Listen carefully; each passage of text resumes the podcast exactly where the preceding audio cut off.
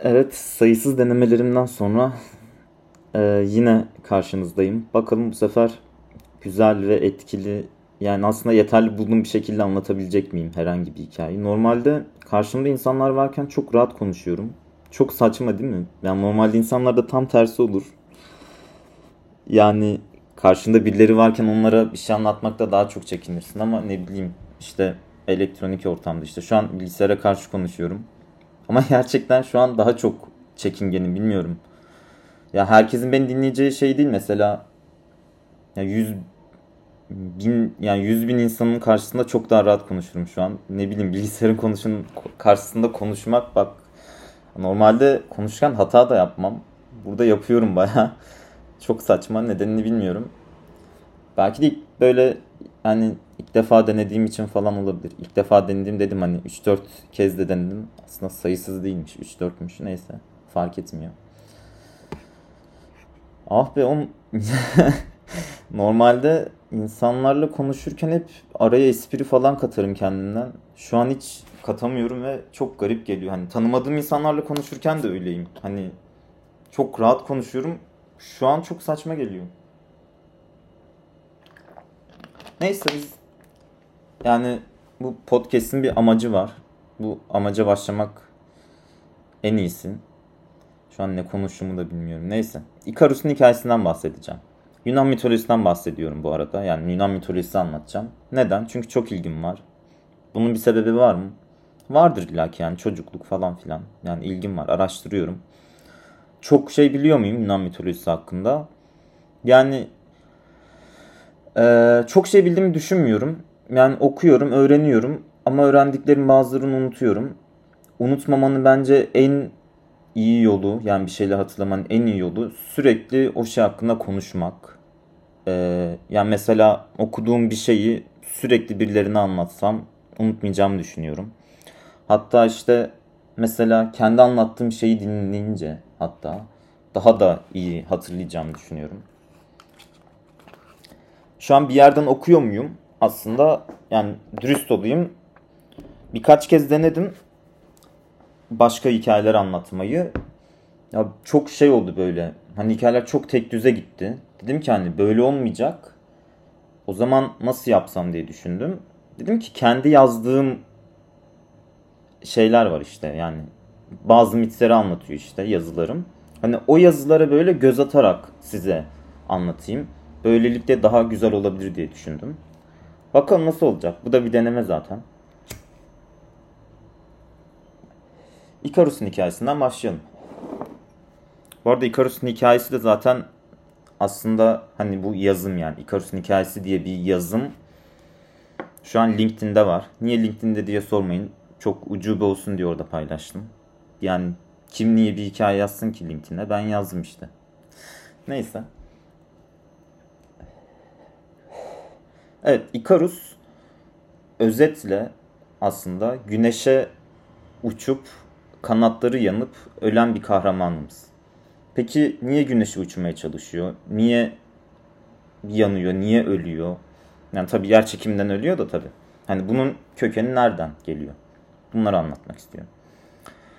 Yüzyıllar önce işte bir mite dayanıyor bu. Aslında bir mit değil de birden çok. Tabii şu an bir tane anlatacağım. En başına dönelim hikayenin. Kral Minos, Girit kralı. Girit kralı Poseidon'a dua ediyor. Diyor ki işte Tanrım diyor işte sana olan sadakatimi işte belli etmem için, ispat etmem için işte bana bir işaret ver diyor yani. Yerleri sarsan Tanrı'ya dua ediyor. Poseidon aslında depremleri yaratan Tanrı'dır aynı zamanda. Poseidon da diyor ki tamam o zaman diyor hadi sana bir bembeyaz bir boğa verdim diyor. Bunu bana kurban et diyor. Kral Minos dayanamıyor yani çok güzel geliyor bu ona çok mükemmel gözüküyor. Diyor ki ya ben bunun yerine başka bir tane vereyim muadilini kurban edeyim diyor. Yani itaatsizliği de öfkeleniyor Poseidon. Hani hem benden bir şey istiyorsun hem de onu yapmıyorsun diyor. Çok saçma diyor. Ve ne yapabilir? Yani nasıl intikam alabilir? Tabii ki de çok mantıklı bir şekilde Minos'un eşi Pasifai'yi Boğa'ya aşık ediyor yani. Başka ne yapabilirsin ki? Budur yani. İntikam böyle alınır. Evet gerçekten de bir kadın yani bir insan bir hayvana aşık oluyor ama delicesine. Böyle sürekli boğayı takip ediyor. Sürekli onun otladığı yerlerde şey yapıyor. Hatta onu diğer tür yani diğer ineklerden kıskanıyor resmen. Gittikçe deliriyor yani. Gittikçe işte bütün insani hevesleri falan gidiyor. En son ne yapsam diyor. Tabii ne yapabilir hani yani bu kadında. Mecbur gidiyor işte. Dedalus diye bir mucit var. Yani e, Atina'nın aslında evet Dedalus aslında Atina'dan gelme Girit'e. E, çok büyük bir mucit böyle. Yani gemi falan yaptığı düşünülüyor ama hani ondan önce işte tekne, sal falan varken bu daha büyütüyor falan hani şey yapıyor. Yani öyle söyleniyor Dedalus için de tabi yani çok doğru şeyler olmayabilir bilemiyoruz tam olarak ama bir mucit. Ve buna içi oyuk odundan bir inek yaptırıyor. Yani ne yaptırabilirsin ki başka ne olacak? o da haklı ne yapalım. Ve içine giriyor. Ve böylelikle aşık olduğu bu adam hamile kalıyor Pasifa'ya. Ve mitolojide sıkça adını duyduğumuz o canavarı doğuruyor. Yani hamile kalıp. Minotor. Yarı boğa, yarı insan. Hani kafası boğa gibi. Şu an yani çoğu kültürde, çoğu literatürde her yerde böyle bir karakter çıkıyor. Oyun, oynadığımız oyunlarda falan hele hele çok fazla var. İşte yarı boğa, yarı insan. Yani kökeni yani en eski kökeni bu mu? Onu ben de bilmiyorum. Çünkü dediğim gibi farklı mitolojileri çok bilmiyorum ama genel olarak şu var. Hani mitoloji zaten hep birbirinden geliyor. Hani büyük ihtimalle başka mitolojilerden gelmiştir. Hani yarı hayvan yarı insan şeyi sürekli her şeyde her yerde gördüğümüz şey işte yarı yılan işte şahmeran diyoruz ya da ne bileyim akrep insan işte ya zaten satiller var işte keçi insan falan neyse. İşte ama aslında Minotaur bir genel isim. Yani yarı insan yarı boğa biçiminde olan yaratığa genel ad veriliyor. Ama bundan bir tane olduğu için Minotaur olarak bahsedebiliriz. Aslında özel ismi Asterios bunun. Bu ne diyebiliriz? Bu bu varlığın mı desem bilmiyorum kendisi nasıl hitap edilmek istediğini bilmediğim için. Bu arada Minotor, Minos ve Taurus yani boğa ve Minos. Minos'un boğası anlamına geliyor. Boğa burcu buradan mı geliyor derseniz oraya da geleceğiz. Ve bu tabi Minotor büyüyor ama çok hani hem insani hem hayvani yönü var. O yüzden hani Minos bunun bir yere kapatılmasını istiyor. Çünkü vahşi insan öldürüyor, yiyor. Ne yapsın? O da Dedalus'a şey diyor. Hani madem sen karımı boğadan hamile bıraktırdın. Mecbur bunu sen bir yere kapat diyor. Ve Dedalus da içinden neredeyse çıkılması imkansız olan bir yapı yapıyor. Labirent. Bu işte bir nevi hapishane gibi. Yani labirent biliyorsunuz. Yani ilk labirent mi? Belki de ilk labirenttir. Yani tarihteki ilk labirent olabilir. Bilmiyorum. İşte sonra Minotaur da bu labirente hapsediliyor. Ve yıllar boyu orada kalıyor. Tabi öldürüldüğü bir mit de var. O ayrı. Onu da anlatacağım başka zaman. Evet Dedalus'a gelelim. Dedalus aslında genç yaşından itibaren niye Dedalus'a geldik? E çünkü labirent oldu. Dedalus labirenti yaptı. Peki Ikarus hikayenin neresinde? Ikarus Dedalus'un oğlu aslında. Dedalus dediğim gibi genç yaşından itibaren çok usta bir zanaatkar ve Dedalus kelime itibariyle de aynı zamanda ustaca işlenmiş ve usta işçi anlamına geliyor. Dediğim gibi Atinalı aslında ve Atina'da sürekli bir şeyler icat ediyor. Bir gün ama işte bir gün değil de işte yeğeni yani kardeşi ona çocuğunu emanet ediyor. Yeğenini yani. Ve diyor ki hani öğret işte çırak olarak al yanına diyor. Tamam diyor yani ne olabilir ki işte ne güzel öğretirim işte birlikte yeni şeyler keşfederiz falan diyor. Okey diyor işte. Perdix yeğeninin adı bu arada. Ve öğretmeye başlıyor işte sırlarını falan işte Perdix'e ve yıllar geçerken işte Perdix büyürken Bakıyor ki Allah Allah Perdix benden de daha zeki falan diyor. Hani boynuz kulağa geçti. Ne yapıyor mesela? Perdix testereyi icat ediyor. Makası icat ediyor ki düşün hani bunları icat etmek çok güzel bir şey. Makas yani bayağı güzel bir şeydir herhalde. Makas yokken bir anda var olduğunu düşünsene. Çok güzel hissedersin yani. ya da testere. Çok muazzam şeyler yani. Ve Atina halkı gitgide Atina halkının favorisi Perdix olmaya başlıyor ama Perdix tabi hala daha çocuk düşün. Hani çocukken bunları yapıyor. E tabi Dedalus ne yapacak? Kıskanacak yani ne yapabilir? Ne yapıyor peki Dedalus? Bir gün Perdix'i Akropolis'ten aşağı atıyor. Akropolis'te biliyorsunuzdur büyük ihtimalle. Yani neyse şöyle yüksek bir yerden aşağı atıyor öyle söyleyeyim. Fakat tabii ki de aklın ve bilimin aynı zamanda savaşın en büyük e, tanrıçası kim? Athena, Pallas Athena. Perdix'i kurtarıyor düşerken ve onu bir kekliğe çeviriyor. Aslında Perdix de keklik demek zaten. Bu arada neden Pallas Athena? Ona da gelelim. Tam küçük anlatalım. Ee, normalde Athena ismi. Pallas ismi şeyden geliyor. Athena büyürken e, Pallas diye bir kızla büyüyor aslında. Bunun işte birlikte büyüyorlar falan. Bir gün oyun oynarken bir şey fırlatırken yanlışlıkla onu öldürüyor Pallas'ı. Ve o öldükten sonra işte onun adını yaşatmak için ya da şey yapmak için hani her zaman yanında bulunsun anlamında adına Pallas getiriyor. Tabi bunun başka yorumları da var. Bu benim düşündüğüm şey. Hani düşündüğüm değil de hani benim söylediğim şey değil. e tabi yeğenini attığına attığına göre hani bir günah işliyor değil mi? Yani mitolojide genelde şey oluyor yani bir günahın varsa bu günah senin soyuna da geçebiliyor ya da senden de çıkabiliyor. Hani illaki bir şekilde bir ceza çekmelisin. Hani ya bu dünyada ya diğer dünyada ama zaten diğer dünyada çekince yani herhangi bir özelliğin olmuyor. Herhangi bir mitin olmuyor. Mesela hani Dedalus ölüp gitse, cehenneme gitse okey. Yani herhangi bir miti olur muydu? Olmazdı. o yüzden mit olduğuna göre cezasını bu dünyada çekiyor ve unik bir şekilde çekiyor. Nasıl çekiyor? Tabii ki de oğlu Ikarus'a patlıyor. Dedalus aynı zamanda e, bu yaptığı labirente haps ediliyor Minos tarafından. Neden? Yani aslında Minos öyle oç bir kral ki işte hem labirenti yaptırıyor hem de diyor ki hani karıma sen bunu şey yaptın mecbur sen de gireceksin diyor.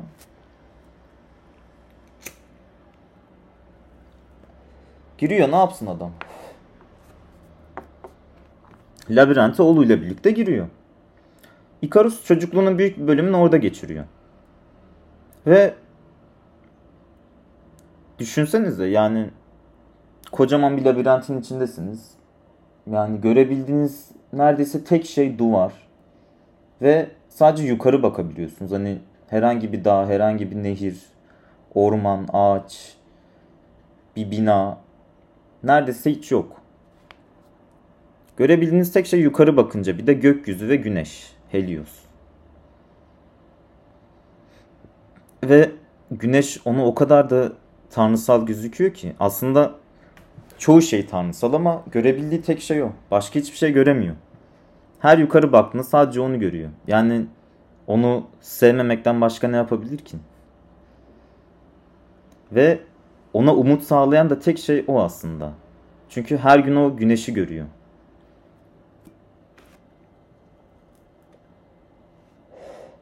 Ve o gördüğü şeye yaklaşamamak. Bilmiyorum belki de labirentin içinde hapis kalmaktan daha çok acı çektiği şey tek görüp sevdiği şeye ulaşamamak da olabilir. Neyse geçiyor böyle zaman. Dedalus düşünüyor nasıl kaçarız diye ve bir plan yapıyor. Her gün işte uçan kuşların bıraktığı tüyleri alıyor, birleştiriyor. Bal mumuyla birleştiriyor tabi. Burada bal mumu önemli. Ve dedim planını ilmek ilmek işliyor ve en sonunda elinde iki tane kanat duruyor. Yani uç, uçarak kaçmayı planlıyor labirentten oğluyla. Ve oğlu Ikarus'a nasıl uçacağını söylüyor işte. Diyor işte böyle böyle çırpacaksın kollarını falan filan. Ve işte kaçacağız gideceğiz diyor. Beni takip et diyor zaten ama şey diyor. Sakın diyor. Denize çok yaklaşma yoksa kanatların ıslanır. İşte denizde boğulursun diyor. Ve sakın diyor. Çok da yukarı uçma. O zaman da güneş kanatlarını eritir. Yani yakar, eritir, bal eritiyor. Ve çok da yaklaşırsa tabii tüyleri de yakabilir. Tabii uçmaya hazırlanıyor Ikarus. Ama işte gökyüzüne bakıyor. Hayallerini kurduğu o güneş o kadar da güzel gözüküyor ki ona. Bir tedirgin oluyor. Düşünüyor ne yapsam, ne etsem diye. Çünkü biliyor sanki uçsa güneşe uçacakmış gibi. Sonra şey düşünüyor ya. Değildir bence. Çünkü dünyada görmediğim o kadar başka güzel şeyler vardır ki. Yani babasının onu anlattıklarını düşünüyor işte. Diyor ki yani bence sadece işte duvarlarla konuşup işte güneşi görüp güneşin hayalini kuran bir salağım yani. Ben de bir sürü orman perisi işte nehir perisi görünce, yemişil ovalarda koşunca ya da ne bileyim çok güzel o dağları izleyince onu unutacağım diyor. Hani onun tanrısallığını unutacağım. Kendini böyle teselli ediyor. Zıplıyor ve kanatlarını çırpmaya başlıyor. Önce her şey sıkıntısız gidiyor yani. Güzel bir uçuşla başlıyor. Mükemmel bir atlayış gibi düşünün. Ama sonra bir anda aklına geliyor o güneş. O an şey düşünüyor Ikarus. Evet şu an benden daha özgür hiç kimse olamaz. Uçuyorum. İstediğim her yere gidebilirim. Benden özgür hiçbir ölümlü yok bu dünyada şu an. Fakat nedense bir anlık tutulma mı diyelim, nasıl bir şey olduysa bu özgürlüğünü yıllardır hapsolmuş haldeyken o baktığı kendisine ışık tutan güneşe adamaya karar veriyor. Aslında mantıken de doğru bir şey. Belki de karar vermiyor. istemsizce gidiyor. O da olabilir. Yani bir ateş böceği gibi düşünün. Yaklaştıkça yani güneşe yaklaşmaya başlıyor. Yaklaştıkça kanatlarındaki tüyler teker teker ayrılmaya başlıyor bal mumu eridiği için. Ama bu fark etmiyor. Çünkü sürekli yaklaştığını düşünüyor ve o kadar büyük bir aşkla, o kadar büyük bir sevgiyle gidiyor ki dediğim gibi artık hissizleşiyor. Yani hiçbir şeyin far- farkına varmıyor etrafındaki. Belki de babası orada bağırıyor ona aşağıya gel diyor. Hiç duymuyor. Öyle ki artık kavuşmaya ramak kalmışken böyle Ikarus sadece artık kollarını çırpmaya başlıyor. Sadece kolları var. Bir anda eriyip gidiyor neredeyse. Bu durumu en son nasıl fark ediyor? Tabii ki de düştüğünü ondan uzaklaşmasından dolayı fark ediyor. Yani uzaklaşmasa onu da fark etmeyecek belki de. Sadece ondan uzaklaştığı için fark ediyor. Öyle bir sevgi. Ve son sürat bir şekilde düşüyor ve düştüğü yerde hemen cecik can veriyor. Peki Ikarus'un bu ölümünden anlamamız gereken şey nedir? Ben hep kendime soruyorum. Yani şöyle düşün. Bu bir insanın uydurduğu bir hikaye değil. Yani bütün mitler gibi. Bir toplumun sürekli birbirini anlatarak geliştirdiği ve ürettiği bir mit. Bence insanlar burada şunu vurgulamak istiyor. Küçücük bir an bile olsa belki de o an bütün hayatından daha değerli olabilir. Çünkü Ikarus'u işte ölümü pahasına güneşe yaklaştıran şey bence bu. İnsanın içinde o karanlık duyguları aydınlatan aslında güneş tasviri bu.